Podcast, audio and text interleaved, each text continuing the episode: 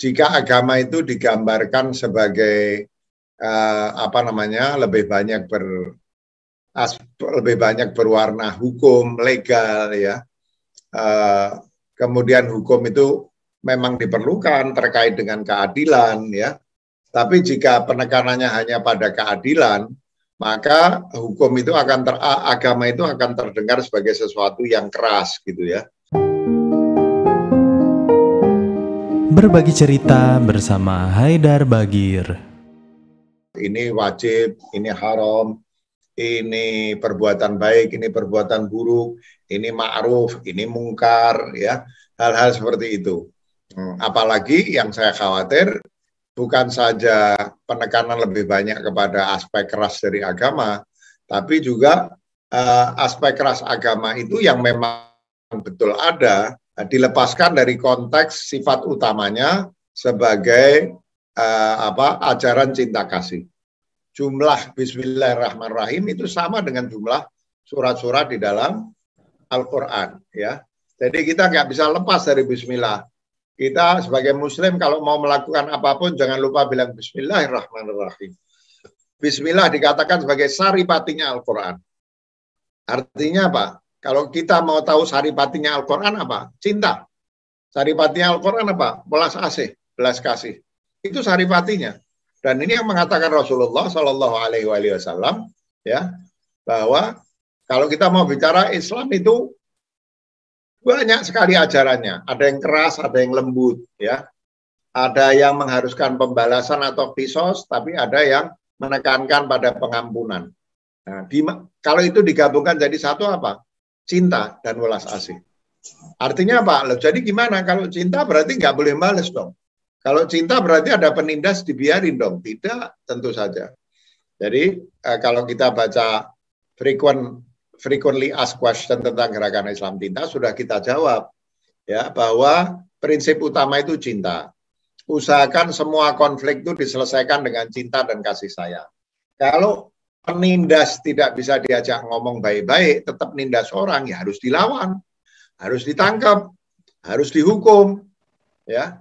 Nah, bedanya apa kemudian Islam cinta dan Islam yang lain-lain kalau sama-sama menangkap, memerangi, menghukum, bedanya pada motif. Bahkan ketika kita menangkap orang jahat, menghukum orang jahat, kita tidak boleh menghukum karena dendam. Kita tidak boleh menghukum karena benci, Benci itu di dalam Islam, dalam Islam cinta hanya diperbolehkan kepada keburukan, bukan kepada manusia, bukan kepada ciptaan. Nggak boleh benci kepada ciptaan. Di dalam hadis Rasulullah SAW mengatakan semua ciptaan itu adalah iyalullah. Semua ciptaan itu adalah keluarganya Allah, iyalullah. Dan kata Rasulullah apa? Yang terbaik darimu adalah orang yang paling baik kepada keluarga Allah. Dan Rasulullah tidak mengatakan orang-orang muslim mukmin itu ya Allah, yang lain bukan ya Allah. Tidak. Semua ciptaan kata Rasulullah adalah ya Allah. Adalah keluarganya Allah dan yang paling baik itu adalah orang yang paling baik pada keluarganya Allah. Wong Allah SWT sendiri mengatakan Allah mengampuni dosa semuanya kata Allah. Ya. Orang jahat aja kejahatannya pada saatnya akan diampuni kok. Ya, kita kan diajarkan oleh Rasulullah an uh, atau dalam hadis dikatakan takhallaku bi akhlaqillah. Berakhlaklah dengan akhlak Allah. Allah mengampuni semua dosa. Maka kita harus menanamkan akhlak Allah itu mengampuni semua kejahatan. Bukan berarti tidak menghukum. Bukan berarti tidak melawan. Tapi ketika kita melawan, itu bukan karena kita benci, bukan karena kita dendam, tapi karena cinta. Kita cinta pada orang banyak yang harus dibebaskan dari kejahatan orang, harus dibebaskan dari penindasan, tapi orang ini ya kita hukum supaya apa? Bukan kita bilang syukurin lu, matilah lu di penjara nani. Bukan. Kita ingin orang itu menjadi baik. Kita kasihan sama orang jahat itu. Kita ingin orang jahat itu jadi baik.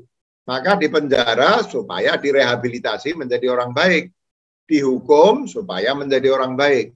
Jadi bedanya Islam cinta dan yang lain, itu bukan bahwa Islam cinta itu ditindas diem, diperangi tidak melawan, ada orang jahat dibiarin, bukan itu. Pertama, Islam cinta itu akan mendahulukan cara-cara damai, ya penuh kasih sayang dan permakluman mendahulukan itu. Dan ketika harus menghukum melawan memerangi maka tidak boleh itu dilakukan dengan uh, kebencian tapi tetap dengan cinta apakah ini tidak mungkin mungkin di dalam sebuah peperangan ya itu komandannya menemukan pada pasukannya yang terbunuh pada pasukannya yang terbunuh dia menemukan uh, di kantongnya itu ada tulisan. Si pasukan ini mengatakan apa? Wahai musuhku, kalau uh, engkau berhasil menjadikanku syahid, jadi kalau engkau membunuhku, orang ini percaya bahwa seorang syahid itu boleh memberi syafaat kepada orang lain. Orang yang mati syahid itu boleh memberi syafaat. Si ini kejadian betul ya. Pasukan itu menulis kalau kamu membunuhku, dia mengatakan kalau kamu bisa menjadikanku seorang syahid, maka aku akan gunakan fasilitasku sebagai seorang syahid untuk mengampuni orang, untuk mengampunimu. Jadi bahkan terhadap pembunuhnya, musuhnya di dalam peperangan, itu dia ingin supaya musuhnya ini diampuni.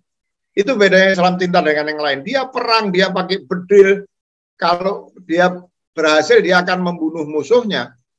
Tapi dia tidak benci kepada musuhnya itu. Nah, itu yang tidak boleh ada di dalam Islam itu dari yang saya ketahui itu kebencian kepada makhluk Allah. Kebencian kepada perbuatan buruk harus kita harus benci pada perbuatan buruk, tapi bukan kepada pelakunya. Pelakunya bisa kita hukum, kita lawan, kita perangi, tapi kepada yang melakukan itu kita harus kasihani. Orang jahat ini orang yang tidak tahu caranya hidup. Harus kita ajarin caranya hidup, gitu ya.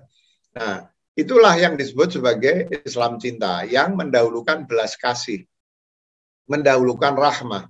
Sampai-sampai sering saya kutip Imam Ja'far Sadiq itu pernah mengatakan adinu wal hub wal hub wadin. Agama itu cinta dan cinta itu agama. Kalau ada orang yang belajar logika, itu kalau kalimatnya hanya adinu wal hub, agama itu cinta, belum belum utuh itu. Tapi kalau dibalik wal hub wadin dan agama itu cinta, itu sudah membentuk satu kemutlakan bahwa agama dan cinta itu identik.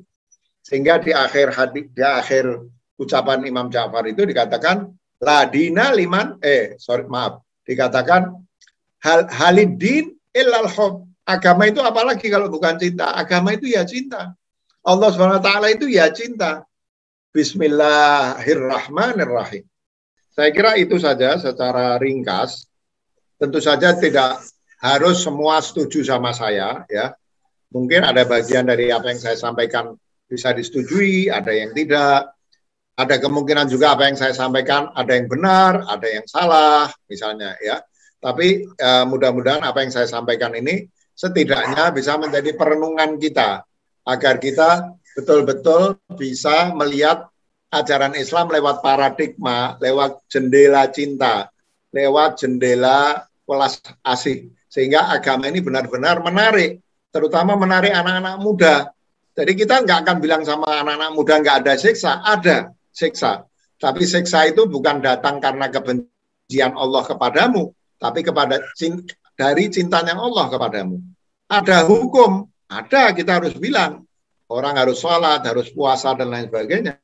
Tapi sholat, puasa itu semua adalah fasilitas dari Allah karena Allah cinta kepadamu dan ingin kamu bahagia. Karena karenanya bukan kalau kamu nggak sholat masuk neraka sakor misalnya, ya masuk neraka sakor. Nah neraka sakor itu apa? Neraka itu adalah perasaan tidak tentram. Allah memberikan sholat itu supaya kamu punya sarana untuk curhat kepada Allah swt. Supaya kalau kamu sumpah, kamu bisa diskusi sama Allah swt. Jadi bahkan hukum itu bisa dijelaskan dari sudut pandang cinta. Bahwa Allah itu mewajibkan karena ingin kamu menjalankan, agar kalau kamu menjalankan, nanti kamu akan bahagia hidup kamu. Jadi kita tidak akan mereduksi Islam, Islam oh nggak kenal kekerasan. Enggak, Islam kenal kekerasan, perlawanan, peperangan, melawan penindasan. Tapi jangan adanya kebencian. Ya, bahwa itu timbul dari rasa cinta bahwa oh neraka itu enggak ada. Enggak, ada neraka. siksa itu enggak ada. Ada siksa. Tapi bahkan neraka dan siksa itu datang dari kasih sayangnya Allah SWT. Simpati, empati, itulah nomor satu yang harusnya menjadi prinsip ajaran Islam yang kita pahami dan menjadi prinsip dakwah kita. Ya kira-kira itu yang saya sampaikan. Mohon maaf kalau agak buru-buru karena sebetulnya bahannya terlalu banyak, tapi karena waktunya terbatas, jadi saya padatkan dan saya ngomong dengan agak cepat.